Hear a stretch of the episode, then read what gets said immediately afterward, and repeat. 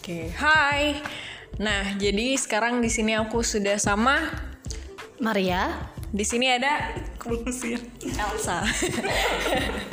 jadi di sini kita mau ngomongin eh, apa ya? Kalau anak kuliah baru lulus itu namanya ada eh, postgraduate syndrome. Nah, kebetulan di sini ada Miss Maria yang udah udah lulus ya. udah lulus tahun 2019. Terus sekarang kerjanya apa nih? Kerjanya apa sekarang? Kerjanya ngajarin anak-anak mencerdaskan kehidupan bangsa. tapi tapi dari step yang paling dasar yaitu anak TK. Iya. Oke, jadi di sini ada Miss Maria yang sudah lulus satu tahun yang lalu. Di sini aku masih ngerjain laporan. Terus sama kayak Elsa semester 8. Iya, sama. Elsa one step closer ya. Enggak juga. Oke. Kan ngomong-ngomong eh, tadi Miss Maria itu ngajarin anak TK nih. Kalau Elsa nanti kalau udah lulus mau ngomongin apa? Eh mau ngomongin apa? Mau kerja apa? Em, aku pengen kerja yang tidak bertemu banyak orang. Yang nggak ketemu banyak orang. Bentar, bentar. halus. Lo saya di dunia ini dipenuhi dengan orang. Apa? banyak orang kerja kerja yang nggak sama banyak orang Yang contohnya nggak ketemu banyak Iya. ketemu banyak orang. apa tuh Misalnya kalau kalau misalkan aku ngajar kan aku ketemu banyak siswa gitu kan. Nah, berarti itu aku ketemu banyak orang. Oh, Nah, gitu. misalnya aku lebih nyaman kerja yang eh, mungkin di dalam ruangan tuh hanya satu dua orang, tiga- satu sampai lima orang kayak gitu. oke oke Itu oke kerjanya apa ya Miss Elis? kira-kira apa udah ada gambaran belum Di kantor kayaknya ya. Apa? Di kantor. di kantor Oh kantoran.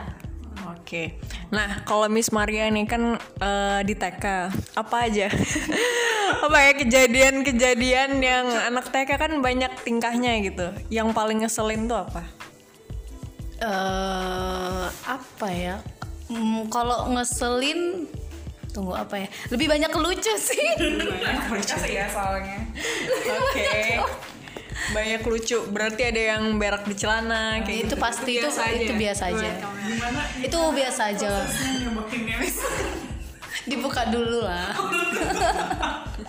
Sambil tutup mata. Nanti pak apa namanya? Psycho.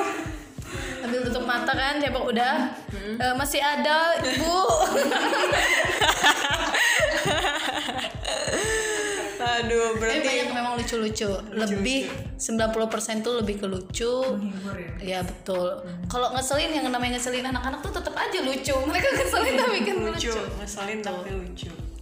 Apa perbedaannya sama ngajarin anak SD dan TK? Kalau ngajar TK itu stok kesabarannya harus lebih banyak.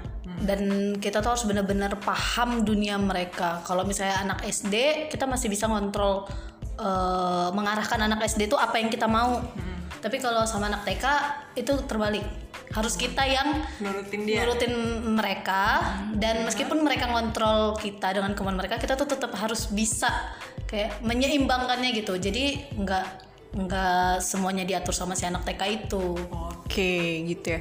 Berarti harus bisa apa ya? Apa sih lebih-lebih anak TK-nya gitu? tuh harus bisa ngelobi anak TK terus harus pinter baca pikiran mereka terus iya betul terus harus punya banyak stok eh, surprising reward gitu supaya mereka itu karena anak TK itu paling suka mendapatkan sesuatu ketika melakukan sesuatu Oke, gitu ya. Menarik banget ya. Nah, karena waktu kita terbatas, nanti kita omongin di sesi selanjutnya. Ada part 2-nya. Bye-bye. Ini mau dimasukin ke video itu. YouTube lah. tapi itu